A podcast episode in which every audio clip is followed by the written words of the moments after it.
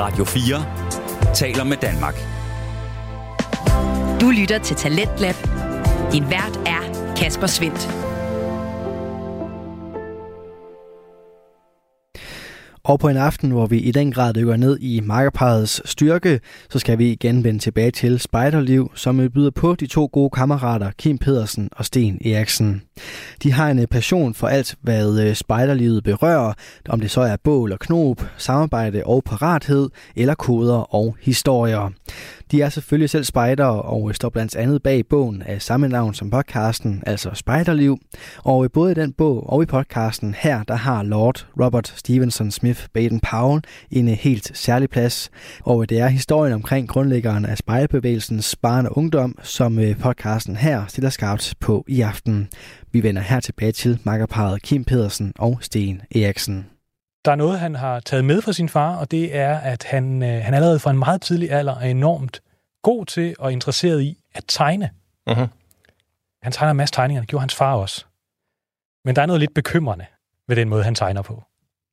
Ja, altså, han, han gør det jo på en måde, så man kan forestille sig, måske i fremtiden, at man kunne sådan genkende sønnen som det, som vi i, i, i vores dage ville kalde for, for venstrehåndet. Altså, det med at være venstrehåndet. Kajthåndet blev det kaldt dengang. Det er, sådan, det er forkert. Og moren er meget bekymret. Så hun får en, en kendt kunstkritiker, altså en, der virkelig ved noget om kunst, til at se på drengen. Og han synes, det er helt fint. Men det er også noget med, at han er, han er jo ikke venstrehåndet. Han tegner bare både med højre og venstre hånd. Ja. Det kan være, det er det, der gør det. Det, der hedder øh, ambidextrøs. Ja. Og han tegner meget flotte tegninger.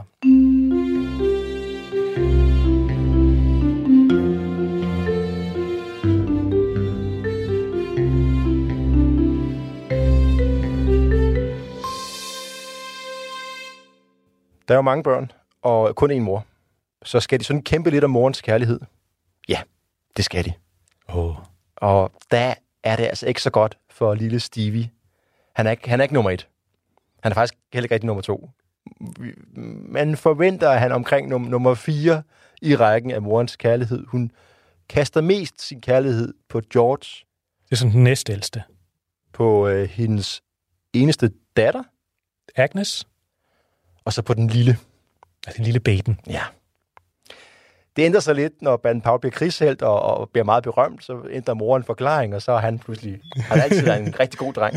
Men altså lige her er der ikke noget, der tyder på, at Baden Paul og hans mor har sådan et super tæt forhold på den måde.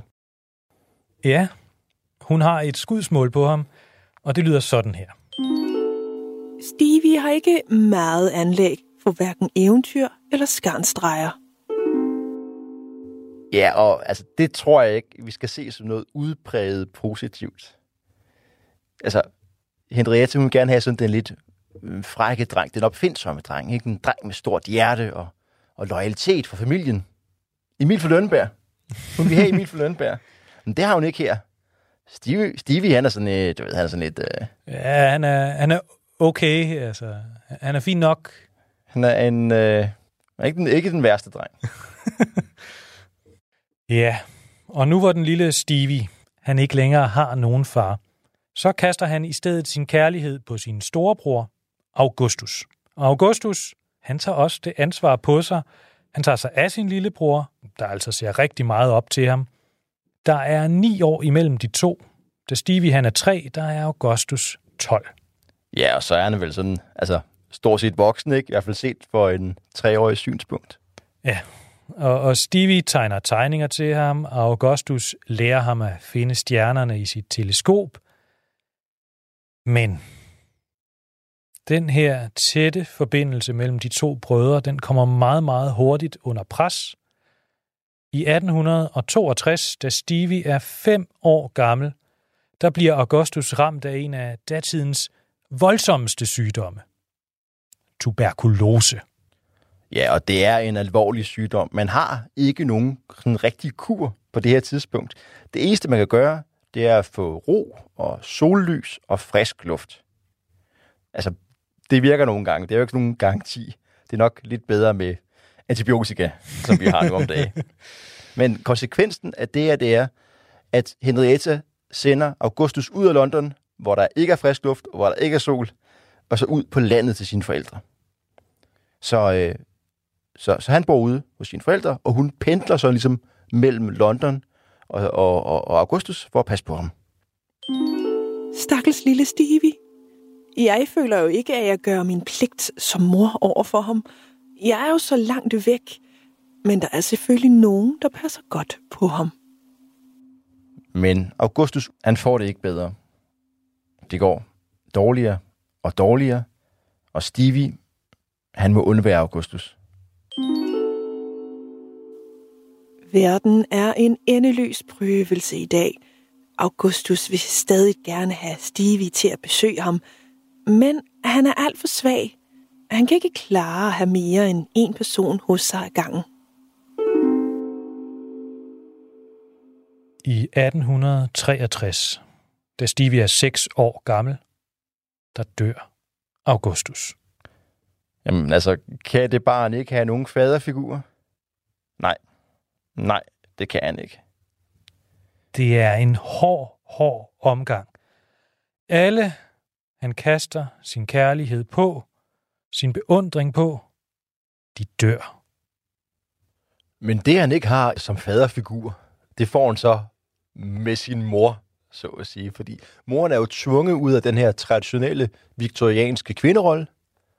Og moren, hun har absolut sin egen idéer. Okay. Hendes store frygt er, at familiens levestandard og anseelse skal falde. De kan måske glide ned i middelklassen. Uh-oh. Middelklassen vokser meget på det her tidspunkt, det er slet ikke usandsynligt. Og så ryger hele den her overklasse drøm. Jeg får næsten dårlige nerver af det, og jeg kan dårligt sove. Jeg har været i syv sind af bekymring, frygt, ja nærmest redsel. Mine kære børn, bare jeg kunne gøre mere for jer. Hver dag kan jeg mærke det. Jeg må arbejde endnu hårdere for at få mine vidunderlige børn ind i samfundets øverste cirkler. Hvis bare jeres kære far havde levet endnu, så havde jeg haft adgang til samfundets spidser, men jeg kender værdien af at begå sig i de rigtige kredse. Det koster penge at være en del af overklassen. Det er ligesom, hvad skal man sige, hele øh, bagsiden. Med det, ikke? Det, det er skrækkeligt dyrt, fordi man skal bo de rigtige steder, gå i det rigtige tøj, omgås de rigtige mennesker. Men hun beslutter sig for, kan man sige, at, at, at bluffe sig ind. Sådan lidt spille lidt rigere, end de er. Det første, hun gør, det er at flytte til den rigtige adresse. Okay, så det er, det er noget med, de bor i Stanhope Street. Det er ikke fint nok. Det er ikke fint nok. De skal ind til Kensington Garden, som jo stadigvæk i dag er et rigtig fint sted. Der er også en ordentlig husleje. Det er der også i dag. Det betyder, at moren må låne penge for at få råd til at bo der. Så på den korte sigt er det altså en ret øh, dårlig investering. Ikke? Hun, hun bruger på sin vis flere penge, end hun har. Men på lang sigt, der kan den her gode adresse jo blive en fantastisk investeringsmulighed. Når vi flytter derhen, så sikrer vi måske vores kære børn en plads i de gode samfundslag. Man må jo tænke på de jordiske besiddelser. Den chance kan vi ikke bare kaste bort. Hvis alle hendes sønner klarer sig godt, eller bare, lad os sige, 80% af dem, kommer ind i overklassen, og, og til sidst ender med at tjene overklasse penge, have overklasse ejendom, så er lykken jo gjort for familien. Man kan sige, det er sådan en form for øh, pyramidespil jo nærmest. Ikke? Altså, øh, du, moren investerer i børnene, og børnene betaler moren af de penge, de kommer til at tjene. Okay, ja. I øh, alle bliver glade. Ligesom pyramidespil. Alle vinder. Undtagen der er nederst i pyramiden. Er det ikke sådan? Det er børnene i det her de tilfælde. får det bare lidt, lidt, øh, lidt senere. Okay. Ja, Ja. ja, de får det lidt senere, ikke? Du siger, at familie er faktisk et pyramidespil. Hvis man ser sine børn som investeringsobjekter, så er det. Kan du forestille dig dig og din familie klokken 9 i vores pæne stue? Jeg sidder ved skrivebordet. Teen bliver serveret på et lille bord med en flot grøn velurdu. Og oppe på væggen hænger de to vidunderlige malerier, jeg har købt.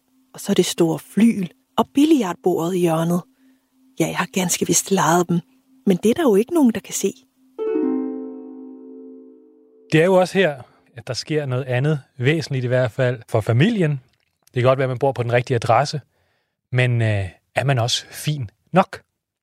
Der er intet vigtigere i England på det her tidspunkt, end at, end at have de rette familiære hvad hedder sådan noget? Jamen altså, ja, skal- en, du skal en god komme- familie, ikke? Du skal komme ud af den rigtige familie. Ja, for alle kan jo tjene penge. Det er fattige, fint. Selv fattige mennesker, der har været heldige i en generation, de kan pludselig tjene penge. Ej, hvad er det for noget? Så skal de op og mænge sig sådan nogle nyrige typer. Gammel blod derimellem. Gamle familier. Det kan ikke købes for penge. Og derfor så går Henrietta i familiens arkiver.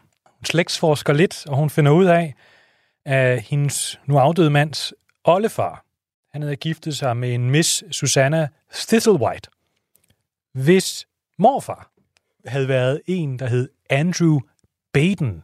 Mm-hmm. Og så er der lige pludselig et argument, om end noget langt ude, for at, øh, at man kunne tage navneforandring fra det helt almindelige Paul til Baden bindestreg Paul. Hvad, er der så fint med, med, med Baden? Og for det første, så er der jo ikke andre, der hedder Baden Powell. Og for det andet, så, så minder det jo en lille smule om den erhverdige professors navn. Han hed jo Baden Powell, så nu har de ligesom bare sat det til sidst. Det er sådan, de ærer ham måske. Mm. Men, Det var en smuk gestus. ja, det er en set, smuk ja. gestus, men hun er, hun er smart, Henrietta. Fordi en af de allervigtigste, hvad skal man sige, familier på det her tidspunkt, det er den tyske Baden-familie. Tysk storhertug, som har meget stor anseelse, også i England. Mm. Og hvis nogen nu kom til, sådan lidt tilfældigt, at tro, at de på en eller anden måde var i familie med den her storhertugfamilie, så vil det da ikke gøre noget. At det er jo ikke naturligvis noget, de siger, at de skal tro. Men, men hvis de nu gjorde det, så ville det jo være godt.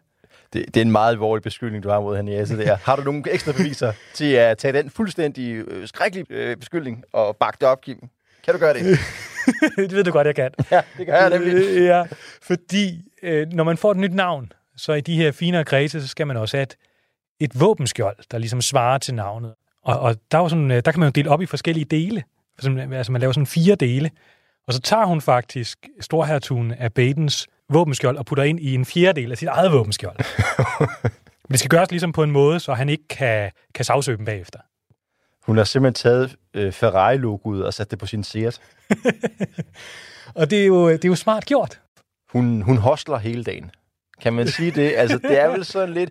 Øh, kan du huske den her elgamle tv-serie, der hed Keeping Up Appearances? Er det den der med hende der... øh, Fint skal det være, Ja. på dansk. Mrs. Bouquet? Ja, præcis. Uh, en, en, en kvinde, en uh, almindelig middelklasse kvinde, der ligesom prøver meget, meget hårdt på at... Uh, At bluffe sig til at være mere, end hun er. og det er, det er simpelthen Baden Pauls mor. at hun, hun, er, hun er en stærk kvinde, men hun er også, hun er også lidt en, øh, ja, hvad skal vi sige, hun er ikke svindler, men øh, er meget en kreativ type. en kreativ type, ja. Men det er altså her, det er herfra, at Baden Powell altså kommer til at hedde Baden Powell med bindestreg. Robert Stevenson Smith, Baden Powell. Jeg ved dog ikke helt, hvordan øh, Stevies lillebror Baden han har det med det her. Han bliver fra nu af kendt som Baden Baden Powell.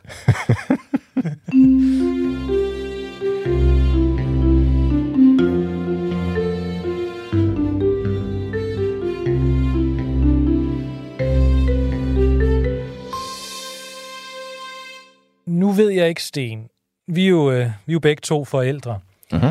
Man forsøger jo at gøre sit bedste, men nu altså har man også nogle metoder, eller nogle værdier, eller nogle filosofier, som man prøver at opdrage efter. Det ved jeg ikke, om du har. Altså, jeg prøver jo altid at arbejde for at få mest mulig søvn. så fungerer jeg ligesom bedst. Men, men bortset fra det, så tror jeg ikke, jeg har sådan, nogle, sådan en, en, en decideret filosofi. Det vil jeg ikke sige. Okay. Ja, altså en af dem, jeg ofte vender tilbage til, det er, det er på en eller anden måde spejdermetoden. Specielt det der med at måske at stille sig lidt i baggrunden som forældre, og turde lade børnene gøre deres egne erfaringer. Det er jo noget af det, vi også øver til spejder. Lad spejderne selv gøre erfaringer. Så altså anvendt som en øh, form for opdragelsesmetode. For eksempel, når de er små, de kravlede højt op i et øh, legetårn eller sådan noget, så skal man ikke bare komme løbende og bære dem ned med det samme, men øh, måske give dem et godt råd, og se om de ikke faktisk selv kan finde ned på god og sikker vis.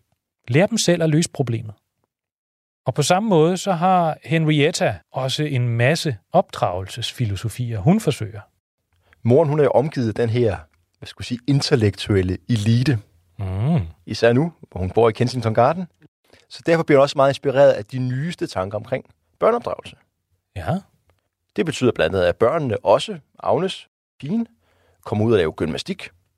Udendørsliv anses som vigtigt. Det er også vigtigt, at børnene ligesom skal sige, forstår at være moralske. Det gør moren ved at fortælle nogle lignelser fra Bibelen, for eksempel. Man er jo meget inspireret af Jesus som den, den store inspirator. Hvad vil Jesus gøre i det her tilfælde? Ja. Så skal du også gøre det. Altså, man skal være et, et godt og hjælpsomt menneske, at det er elske sin næste, Mm-hmm. den slags. Helt sikkert. Nu har vi øh, før øh, haft afsnit, hvor vi, hvor vi prøvede at høre dig i Spejderloven, ja. Sten. Men øh, det er faktisk meget sjovt, for al den her hvad skal man sige, moralprædiken, Mhm.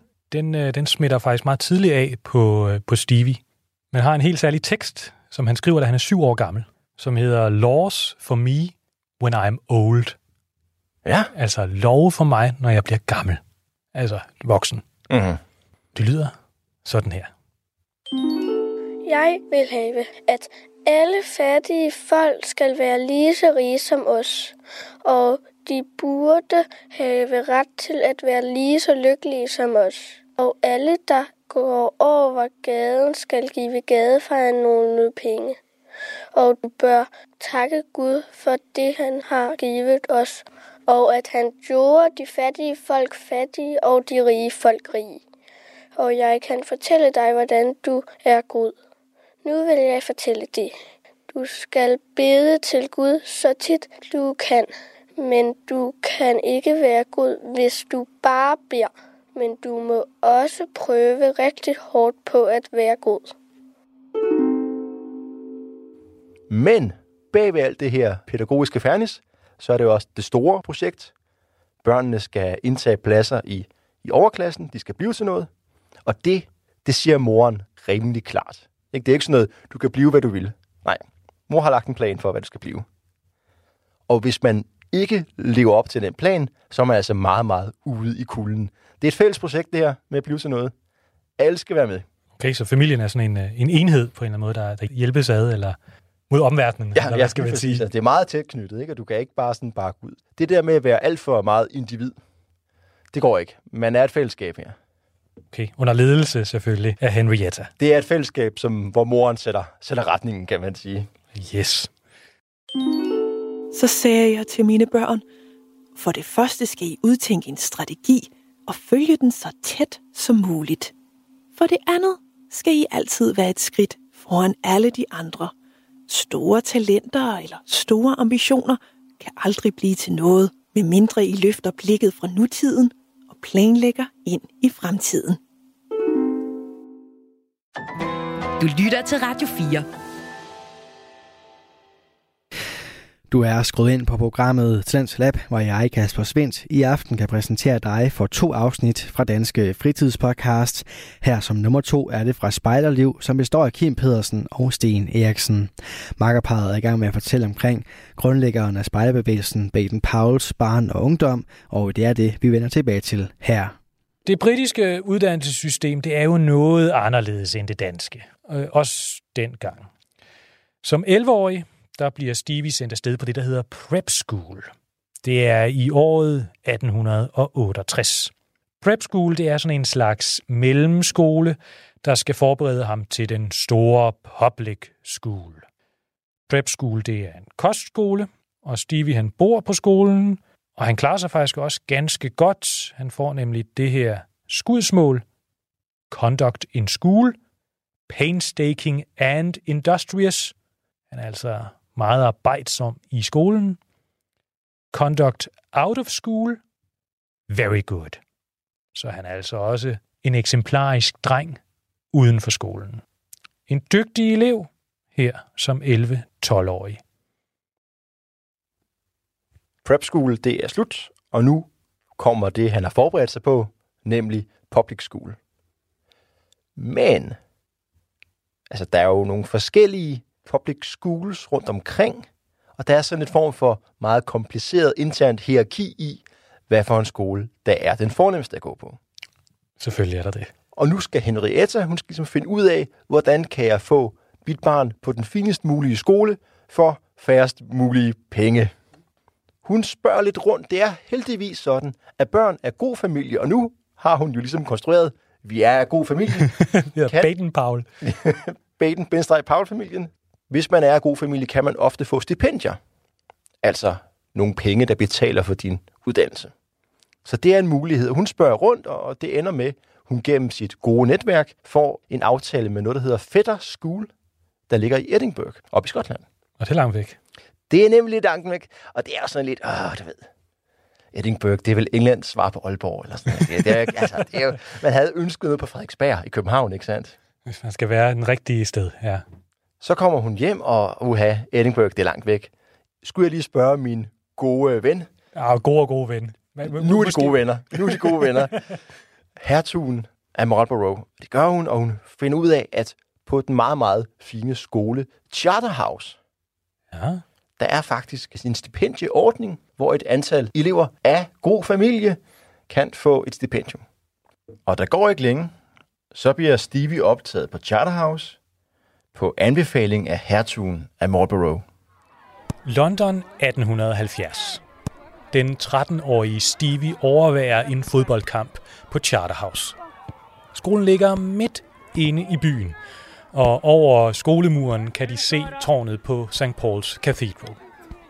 Stevie kigger benovet på de store drenge, der skyder bolden frem og tilbage på banen. Men pludselig bliver kampen afbrudt af stenkaster huden fra den anden side af muren. Kampen stopper øjeblikkeligt.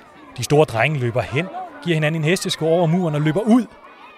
Det er slagterdrengene, der er på spil, og de, øh, de spreder sig på den anden side af muren. Og, og de store drenge kommer tilbage, men kort efter begynder stenkastene igen. Steven hujer på de store drenge, da de igen gør et udfald. Pludselig står den reserverede rektor ved siden af ham. Jeg tror, at hvis I drenge gjorde udfald gennem døren i sidemuren, så kunne I angribe bøllerne i flanken. Ja, her, men den er låst. Det kan være, men her er nøglen. Og under mig huden og råb løber drengene hen til døren, for den låst op og gør udfald, laver et overraskelsesangreb og driver slagterdrengene på flugt. Øh, Lidt, lidt sjov måde at være rektor på. Det vil sige, det, han, han stopper ikke slagsmålet i skolegården her. Nej, Han sørger bare for sine egne elever. Har en bedre chance for at vinde det. skal vi ikke tabe til slagterdrengene? Nej. Det skal vi ikke. Også være dårlig reklame. Eller. Så er slagteriskolen for alle eleverne. Ja, selvfølgelig. Nå, men, øh, men de er cirka 60 på det her stipendie. Mhm. Og de bor faktisk alle sammen i det samme hus. Det er lidt ligesom Harry Potter. Der er nogle kollegier, nogle huse, man bor i. Det bliver ledet af en voksen husmester, som ligesom holder styr på det hele. Men, øh, men det der med ligesom at holde styr på drengene, det kunne man ligesom overlade til dem selv. Ja. Så der er sådan et system, hvor de ældste drenge, det der hedder the uppers, de øvre, de må gerne disciplinere de yngre drenge, for ligesom at holde styr på dem, og de ikke laver ballade og sådan noget. Og det må de gerne gøre korporligt, Ja. altså med vold. Ja. Det er simpelthen en, en del af, af systemet, hvor man kan, en voksen kan holde styr på 60 drenge. Og nu, nu siger vi drengene. Altså, det er en drengeskole, og uddannelsessystemet er strengt øh, kønsopdelt. Der er også et andet system på den her kun drengeskole. Det er det system, der hedder fagging. Uh-huh. Og fagging, det er altså et system, hvor de her ældste drenge, de uppers, de har hver deres egen fag.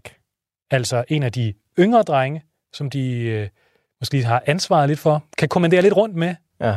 Sådan en, en, øh, en underordnet. I praksis kan komme der lidt rundt med. Ja, ja, ja. ja. Det er noget med at få dem til at løbe ærner. Kan du ikke lige hente? Jeg skal bruge.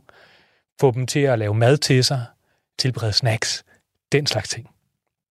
Og Stevie, han får en opper, som hedder Edward Perry.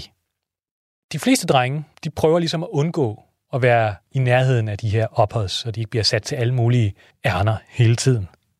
Men ikke Stevie. Det er sådan, at i det her, det her hus, der er sådan en pejs. Det er ligesom det, det cool sted at hænge ud i det fællesrummet. Ikke? Det kender vi også fra Harry Potter. Det er pejsen. Det er der, Ja, ja. Det, er Ja, også, det har også den fordel, der er varmt. der er varmt, ja. Ja, ja Især ja. om vinteren, og piskoldt alle mulige andre steder. Men der, der er varmt. Men hvis man ikke vil være i nærheden af de oppers, så skal man, øh, skal man gå et andet sted hen, tage sin frakke på, gå et andet sted hen, og så kan man være lidt i fred. Men ikke Stevie. han foretrækker at være i nærheden og, og udføre med glæde nærmest øh, de her ordre, opgaver, han får af Edward. Jeg tror godt, vi kan konkludere, at han på en eller anden måde ser op til ham. Mm. Hvis man er sådan lidt ikke, psykologisk anlagt, ja. så kan vi måske sige, at det er her, han igen får mulighed for at få et eller andet forbillede, et ældre forbillede, en faderfigur. Ah. Det er jo også på sin vis et færre system. Ikke? Det kan være, at man bliver udsat for symbolsk og meget, meget reel vold. Øh, så, så, som, som lille i det her system, men på et tidspunkt bliver man jo selv en af de ældres. Det er Ja. pyramidespil, Kim. Det kan det virkelig. Der, der går lidt tid, så får man selv, så får man selv alle fordelene. Jeg tror nok, det er derfor, at, at Stevie ser op til, til Perry, altså han, og han ser virkelig op til ham. Det- Perry, han er, han er skolens fodboldstjerne. Og Stevie, han, han sætter simpelthen ære i at stå og holde hans, hans frakke, mens han spiller fodbold, så han ikke skal fryse. Så kan han komme ud til pausen, så kan Stevie give ham jakken på. Og, og når han så er færdig, så er alt det der mudrede tøj og de her støvler, der er fuldstændig fedtet ind i græs, dem, kan, dem gør Stevie så ren. Hmm. Så, så han er virkelig, altså går virkelig op i det. Det er også derfor, han, han selv begynder at spille fodbold, fordi han simpelthen ser så meget op til Perry. Og sammen med Perry, der er Stevie også med i en lille klub, som hedder The Druids. Jeg ved ikke, om man kan trække en, øh, en parallel til nutidens spejderpatruljer, men det minder måske lidt om, at de har sådan en, hvor de mødes og, og gør forskellige ting. De giver hinanden øgenavne. Stevies, det er Lord Bathing Towel. Mm-hmm. Altså lidt profetisk måske, hvis man ved, at han bliver baron senere. Ja, ja, ja. Og Bacon Saul og Bacon Paul, det er selvfølgelig, det er selvfølgelig derfor. Den har jeg gennemskuddet. Perry hedder kaptajn Periwinkle. Mm-hmm. Det er en eller anden søsnegl. Og så har de selvfølgelig en bog, hvor de skriver alt ned, hvad klubben den foretager sig. Sådan meget minutiøs nærmest. Og Stevie, han laver selvfølgelig en masse flotte tegninger i den her bog. Jeg ved ikke, om man igen kan drage en parallel til nutidens patruljedagbøger.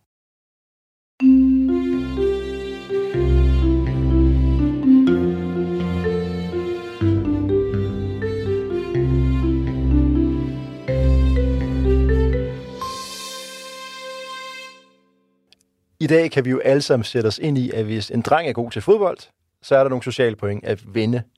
Men der er endnu mere dengang, fordi sport ses som en slags genvej til at skabe rigtige mænd.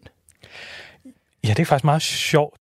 Man skal play the game, som også bliver en af Stevies, øh, den voksne Stevies Baden Powells yndlingsudtryk. Man skal lære at spille spillet. Altså både livets spil, men, men hvordan gør man det? Det gør man ved at spille nogle små spil som, øh, som ung.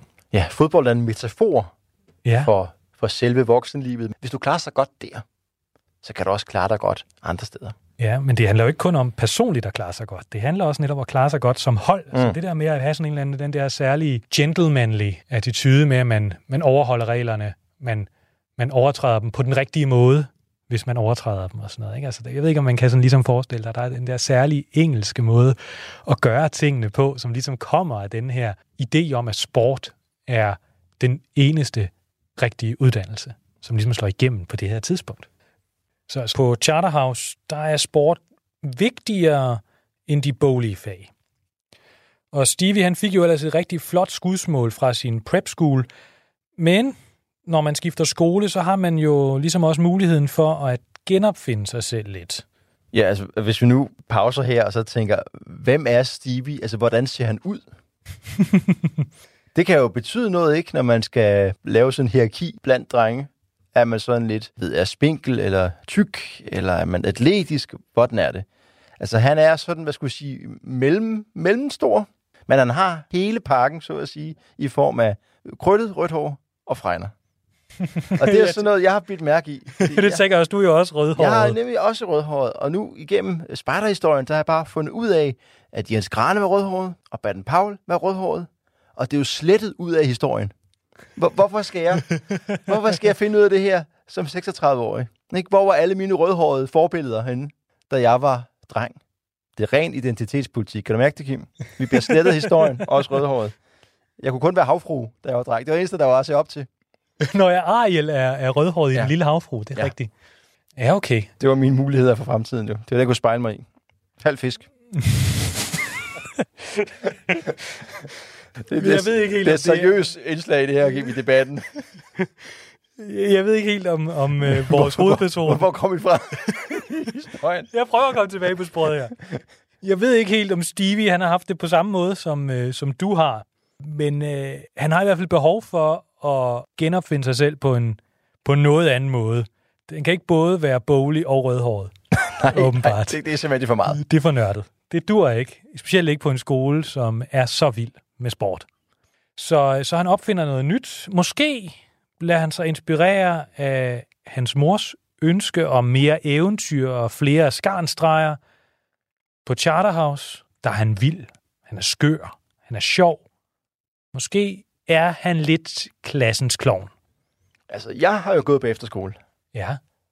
Hvilket jo ikke er helt Charterhouse, men lidt derhen af. Tølløse Charterhouse. Der var Clement, og han kunne nogle ting.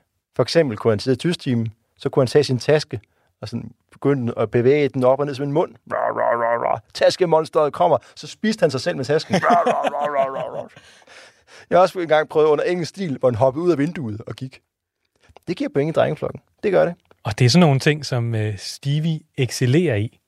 Han, øh, han bliver beskrevet, som om han har en admirable species of madness. Altså en beundringsværdig udgave af galskab. Han taler kun i madril-citater. han er den type, det er, ikke? Vi har lige et lille citat her fra hans egen øh, forklaring om sin tid i Charterhouse. I invented for myself a kind of diving slide. I used to take a run at a table, slither across it on my tummy, dive and roll over onto the floor, and come up standing. It was very effective.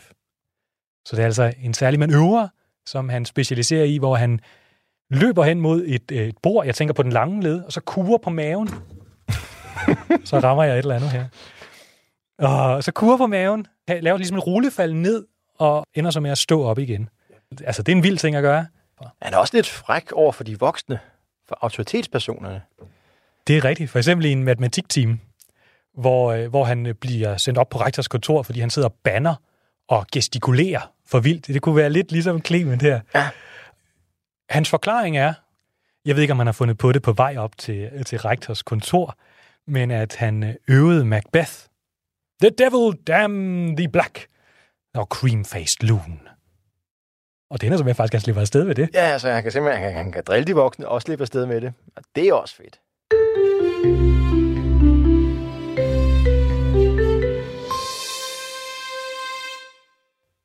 Charterhouse, det er, øh, ja, Harry Potter, Herluf Holm uden sjove griffer. Det er noget, noget, også det er noget gammelt bras, ikke? Det er jo nogle munke, der hedder kartuser, der har grundlagt det her kloster fra lang, lang, lang, lang, lang tid siden. Og bygningerne er ikke så, så tidsvarende længere. Der er heller ikke så meget plads. Så øh, derfor så har man øh, i et stykke tid planlagt at flytte Charterhouse inden fra midten af London og ud på landet, ud i Surrey. Og det sker i 1872, midt på sommeren. Der er bygningerne blevet færdige.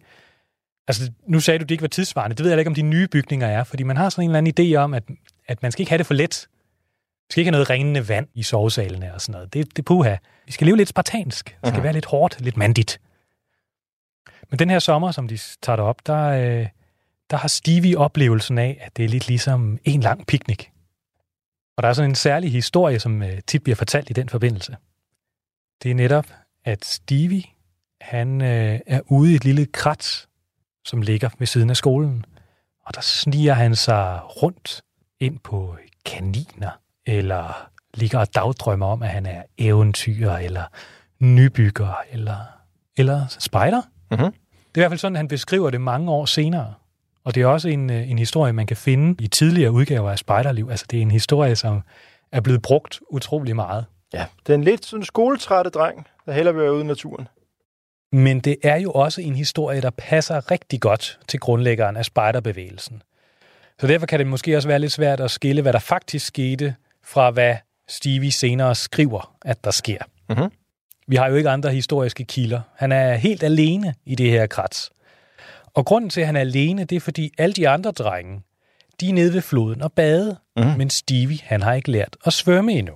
Mm. Og derfor så sniger Stevie sig alene rundt. Man kunne godt spekulere i, at nogle af de lidt mere vilde historier, for eksempel at han kravler op i trækronerne og skjuler sig for lærerne, mens de går rundt for at lede efter ham, de måske ikke er helt rigtige. Mm. Men det kan vi aldrig vide. Vi ved dog helt sikkert, at Stevie han har smag for det her udendørsliv. Og øh, i en sommerferie, da han er 15 år, der bliver han inviteret på en tur sammen med sine ældre brødre. Det er hans ældste storebror, Warrington. Han er vist 26 på det her tidspunkt, der har skaffet noget så usædvanligt som en sammenklaplig båd. Jeg ved ikke helt, hvordan det fungerer. Nej. Altså, det er ikke en kano. Det er ikke rigtig opfundet på det her tidspunkt. Det er sådan en båd, man kan klappe lidt sammen, og så kan man bære den, hvis man ligesom kommer til slutningen af en flod, så kan man bære den over til en anden flod, og så Mm. videre, ikke? Og der sejler de simpelthen op ad Thamesen, en lang, lang tur om sommeren, og sover i telt, og laver mad over bål. Jeg tænker, at det er, jo, det er jo også noget, vi måske kan genkende her senere i spejderbevægelsen. Det kunne være, lyder som en rigtig god spejdertur. Mhm. Men de har altså været ret gamle, de her drenge, da de har gjort det helt selv. Du lytter til Talentlab på Radio 4. Vi er i gang med aftenens andet podcast afsnit her i Tens Lab. Det er programmet på Radio 4, der giver dig mulighed for at høre nogle af Danmarks bedste fritidspodcast. Mit navn er Kasper Svens, og i denne time der har jeg fornøjelsen af at give dig et øh, afsnit fra Spejderliv, som består af de to værter, Kim Pedersen og Sten Eriksen. De er godt i gang med at fortælle omkring grundlæggeren af spejderbevægelsen, Robert Stevenson Smith Baden Powells barn og ungdom, og det er den sidste bid af den fortælling, du får her. Han er enormt god til at fortælle historier. Altså det er faktisk noget, han meget tidligt er god til. Han er god til at spille skuespil. Vi ved blandt andet, at han øh, spiller med i et stykke, der hedder To Parents and Guardians. Og det ved vi, fordi lokalpressen de omtaler stykket og roser Stevies præstation til skyerne. Jeg tænker, han har været sådan rimelig ulidelig at være i nade dag på det tidspunkt. Altså, tænk sig at komme i avisen. Og skolen de sætter masser af stykker op. Der er også syngespil, hvor Stevie han også modtager en særlig ros for sin stemme, fordi hans stemme kan gå helt fra den dybe bariton og helt op til den lyse sopran. Det er meget usædvanligt for en dreng, men det er jo noget, han bliver ved med at kunne selv, efter at han er, han er blevet voksen. Ja. Og det er også tit, at han spiller kvinder. Der er blandt andet en omtale, hvor han spiller med i Cox and Box. Cox and Box er et stykke, hvor en kvinde, Mrs. Bouncer, udlejer et værelse til to mænd på samme tid. Og det bliver altså Baden Powell, der spiller Mrs. Bouncer. Der er jo ikke rigtig nogen pige at tage fra. Altså, man skal jo ligesom have en, en dreng. Han er jo god, fordi han har den her lyse stemme, og så har han sit komiske talent. Ja, det er også altså mænd i kvindetøj. Der er et eller andet. Det, altså, det virker selv stadigvæk den dag i dag, Ja, ja, er det jo en ting, man gør. Frederik Silius, han har snuppet alt, du. På det på, ja. Og hvis I sidder derude og tænker, hvad var det, der hittede i morskabstaler? Altså, hvorfor var Cox and Box så fedt? Øh, så, så har jeg lige oversat et par strofer. Det er typografen! Det er hattemageren. Gå ind i deres egen lejlighed her. Dette er min lejlighed. De kan gå ind i deres egen lejlighed her. Hvis de ikke straks forlader min lejlighed, skal jeg give dem en frygtelig omgang klø. Deres lejlighed, de mener vel min lejlighed. Din foragtelige hattemager. Din lejlighed. det er meget morsomt. Se her, min herre. Se her, hattemager. Her står, at jeg har betalt husleje for sidste uge. Også her her. Ty! Morder! På Bouncer! Hvad foregår her? Fjern øjeblikkeligt den hattemager. Smid den typograf ud med det samme. Men, mine herrer, forklar dem. For... Fortæl os, hvem der ejer denne lejlighed. Ja, kvindemenneske, hvem af os ejer denne lejlighed? Den tilhører vel mig. Nej. Der kan I selv høre det, mine herrer. Dette er min lejlighed. Nej. Det er jeres lejlighed. Begge to. Begge to? Åh, oh, mine herrer, I må ikke blive vrede. Ser de, denne herre er kun hjemme i dagtimerne, og denne herre er kun om natten. Så derfor øh, vågede jeg at sætte de herrer i samme lejlighed, indtil det lille kvistværelse blev bygget færdigt. Hvornår er kvistværelset så færdigt? I morgen. Øh, Hvorfor spørger I? Der flytter jeg ind med det samme. Det gør jeg også. Ja, undskyld mig, men hvis I begge vil flytte ind i kvistværelset, så kan I vel lige så godt blive boende sammen her.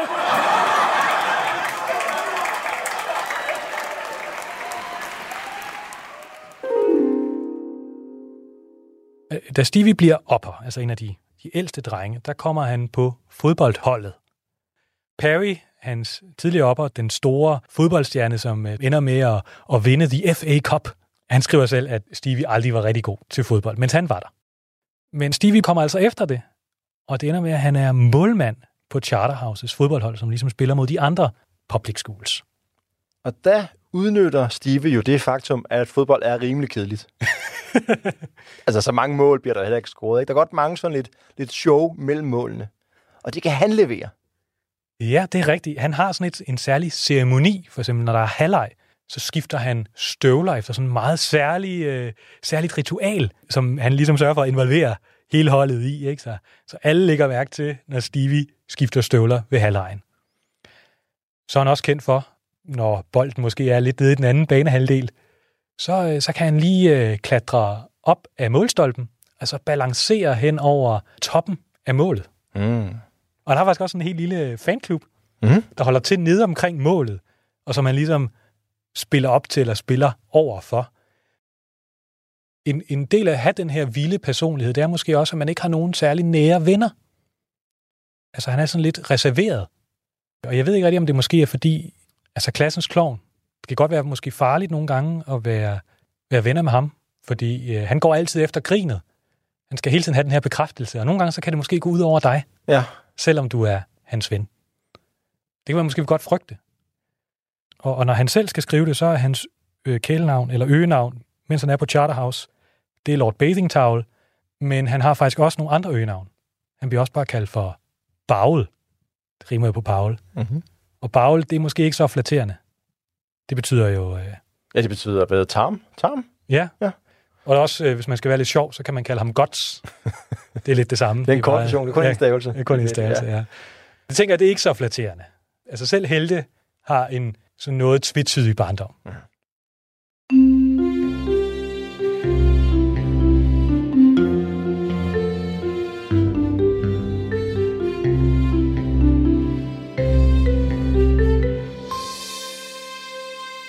Stevie, han bliver færdig på Charterhouse. Det er ikke sådan, at der som sådan er en eksamen eller sådan noget, man skal... Nej, skal de bestå. vægter, de vægter ikke det akademiske så højt på den måde der. Man kan få et skudsmål, Ja, om ens karakter, altså Ja. ens personlighed. Hvis man så skal videre i uddannelsessystemet, så skal man til en optagelsesprøve, for ligesom at vurdere, om man er god nok til at komme ind på et eller andet college et eller andet sted. Også hvis man skal have noget andet i sin karriere, skal man tit til en optagelsesprøve. Så det er altså det næste skridt for Stevie. Men øh, han kan jo ikke bare vælge selv. Han har fået lagt en plan for sig. Stevies mor har lagt en plan. Det har vi allerede fortalt om. En ret detaljeret plan, det er de ældre brødre, Frank og George, skal være henholdsvis politiker og advokat. Og de er godt i gang. De er under uddannelse på Oxford. Det er noget med alle sønnerne faktisk. Altså lige med undtagelse af Warrington, som blev sendt ud og sejle som 14-årig, så er de to øh, ældre, de har været på det, der hedder Balliol College, som er i Oxford, hvor de har en, øh, en god ven af faren, som har lovet at hjælpe dem rigtig meget. En øh, Benjamin Jowett, som er master. Men for Stevie, der har moren en anden idé, nemlig en officers rang i hæren. Det er okay. også ret fornemt, hvis du kommer op i de højere, hvad ved jeg, måske bliver oberst eller andet stil. Meget, meget respektabelt. Og så hjælper det jo også på det, at Henriettes bror har en ret høj officers rang i hæren. Så der er et netværk allerede. Jeg vel ja. Planen er, selvom på Oxford, giver dem en grad. Når man så har den, så kan man gå mere eller mindre direkte ind i hæren, og fordi man har den her universitetsgrad, så kan man så ret let blive officer. Så det hele er ligesom planlagt. De tager op til øh, The Balliol, og, og Steve, han skal ligesom aflægge den her prøve. Men der er et eller andet, der går frygtelig galt. Det går så galt, så Benjamin Jowett i korrespondancen med Stevies mor må sige, at der er simpelthen ikke noget at gøre. Han er så dårlig til matematik, vi kan simpelthen ikke forsvare at optage ham. Det er jo en, et frygteligt streg i regningen. Altså, det er ikke første gang. Frank har faktisk også fejlet og har sådan ligesom fået privat øh, undervisning for at kunne komme ind på The Balliol. Men det er hun altså det har hun ikke råd til for Stevie. Eller ikke lyst til, det ved jeg ikke. Måske står han ikke så højt i bogen. Hmm. I hvert fald så er hendes øh, plan B, det er, at man kan jo også komme ind på Christ Church. De er kendt for at være sådan lidt mere sociale i det, og måske ikke gå så meget op i alt det der akademiske og intellektuelle. Så Stevie, han bliver sendt til Christchurch, skal aflægge prøve. Det er faktisk meget sjovt. Øh, under matematikprøven, der bliver han øh, interviewet af ingen mindre end Ludwig Dodgson. Ja, det, det ved vi måske ikke noget være, men han bliver også kaldt for Lewis Carroll. Det er ham, der har skrevet Alice in Wonderland, altså Alice i Eventyrland. Men øh, Ludwig, han er ikke imponeret af Stevies matematiske evner. Det er faktisk så gralt, at han ikke engang kan blive optaget på Christchurch. Uæh, uæh, uæh. Altså, det er jo en kæmpe streg i regningen. Moren er fuldstændig ødelagt. Han har virkelig svigtet den store plan for familien. Mens moren lever, vil de aldrig indrømme, at han nogensinde har, har været til prøve. Fordi vi prøver simpelthen bare at glemme det her. Det, det, der bliver ligesom udviklet en anden historie omkring hele det her fejlslagende Oxford-projekt. Og, og det er kun noget, som Stevie altså, ligesom hindrer til i, i bøger, efter at moren er død. Hvis man ikke klarer plan B, så må der være en plan C, men den er slet ikke lige så god. På Oxford, der ville Steven jo hænge ud med toppen af samfundet. Jeg ved ikke, om man hænger ud i toppen af samfundet. Men, øh, men han vil i hvert fald få forbindelser og, og altså, venskaber, de de der kunne hjælpe de ham bare, i livet. De får bare passiv indkomst hele tiden. De hænger der vildt meget ud.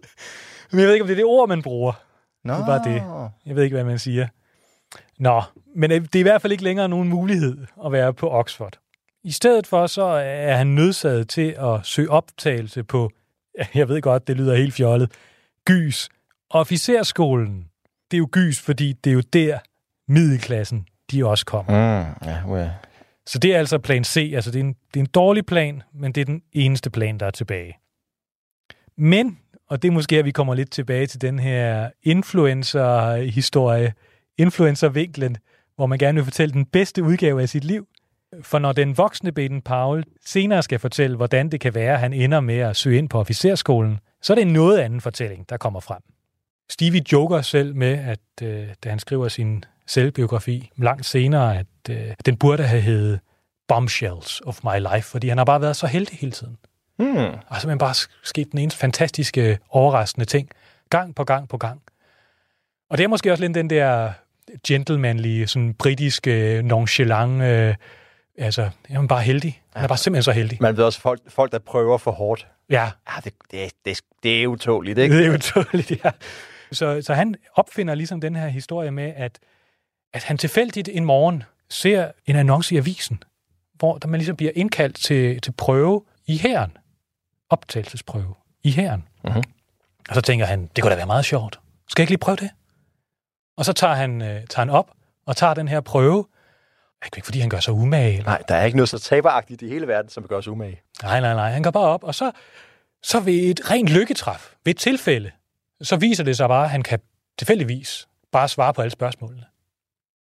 Og så ender det med, at der er 718, der går til den her prøve. Man kan både gå til prøve, altså sige, at man vil gerne optages i kavaleriet og i infanteriet, altså fodfolket. Og inden for infanteriet bliver han nummer 5. Det er jo pænt godt. Mm. Og inden for kavaleriet nummer 2. Okay. Og hvad, hvad, hvad bliver man eksamineret i? Men det er alle de almindelige ting, du bliver eksamineret i. Du bliver eksamineret i, i matematik igen. Ja. Du bliver eksamineret i latin, og i græsk, og i fransk, og i engelsk. Total normale egenskaber for folk i kavaleriet. Ja, måske. Altså, matematik er måske ikke dårligt at kunne. Og Ja. du skal vel også kunne noget sprog, hvis du skal ud i det store britiske er imperium. nok med to døde sprog, kan man så godt øh, undvære. Det kan være, at de vil genopleve romeriet. Hvad ved jeg? Nej, men ligesom del af, af måden, man eksaminerer på. Hvis man, hvis man klarer sig godt der, så, så tænker de, så er man også en god officer. Men Stevie, i, i den fortælling, han selv fortæller, så har han altid været, været dum. Han har sådan et citat. Even stupid fellows like myself can get on by hard work. Så, så han ser sig selv som ret dum, og at det er lidt et held, at han klarer den her eksamen. Men i virkeligheden, så har han nok ikke været så, så dum, som han selv giver sig ud for. Det er jo også et godt fortællertrik. Ikke? Vi Ja, vil jo hellere hæppe på klodshans, end hans utålige, boglige brødre. Dem kan vi ikke lide. Det kan vi ikke lide, nej. Så han placerer sig selv lidt i klodshands-rollen. Men, men sandheden er, at han klarer sig rigtig godt i de her prøver. Jo. Det vidner jo også om, at han bliver, kommer så højt op på listen. Ja, man kan ikke bare improvisere sig til græsk. nej. Jeg vil ikke bare være heldig at lige få at vide, at øh, nå, plumbum, latin, ja ja, det er bly, det kan jeg jo huske, jeg lige tilfældigt. Ja, men kan du bøje det, Kim? Ja, det, det er der problemet kommer, ikke? så, øh, så noget må han jo have kunnet, selvom han i hvert fald senere hen underspiller den del. Og den joke gik på, at man kan bøje verbet, ikke bøje metallet bly. det kan man godt. Alle kan jo bøje metallet bly, altså. Åh oh, ja, det er jo ikke et verb om sten. Det går godt. Du er aldrig blevet optaget jo, nej, i her. Der, der var det der. Så han bliver altså optaget på officerskolen, men så sker der noget uventet. Rusland, de truer nemlig den britiske tilstedeværelse i Indien, og man mangler desperat officerer. Derfor så bliver det besluttet, at de fem allerdygtigste i optagelsesprøven, de skal, de skal bare springe skolen over, sendes ud med det samme.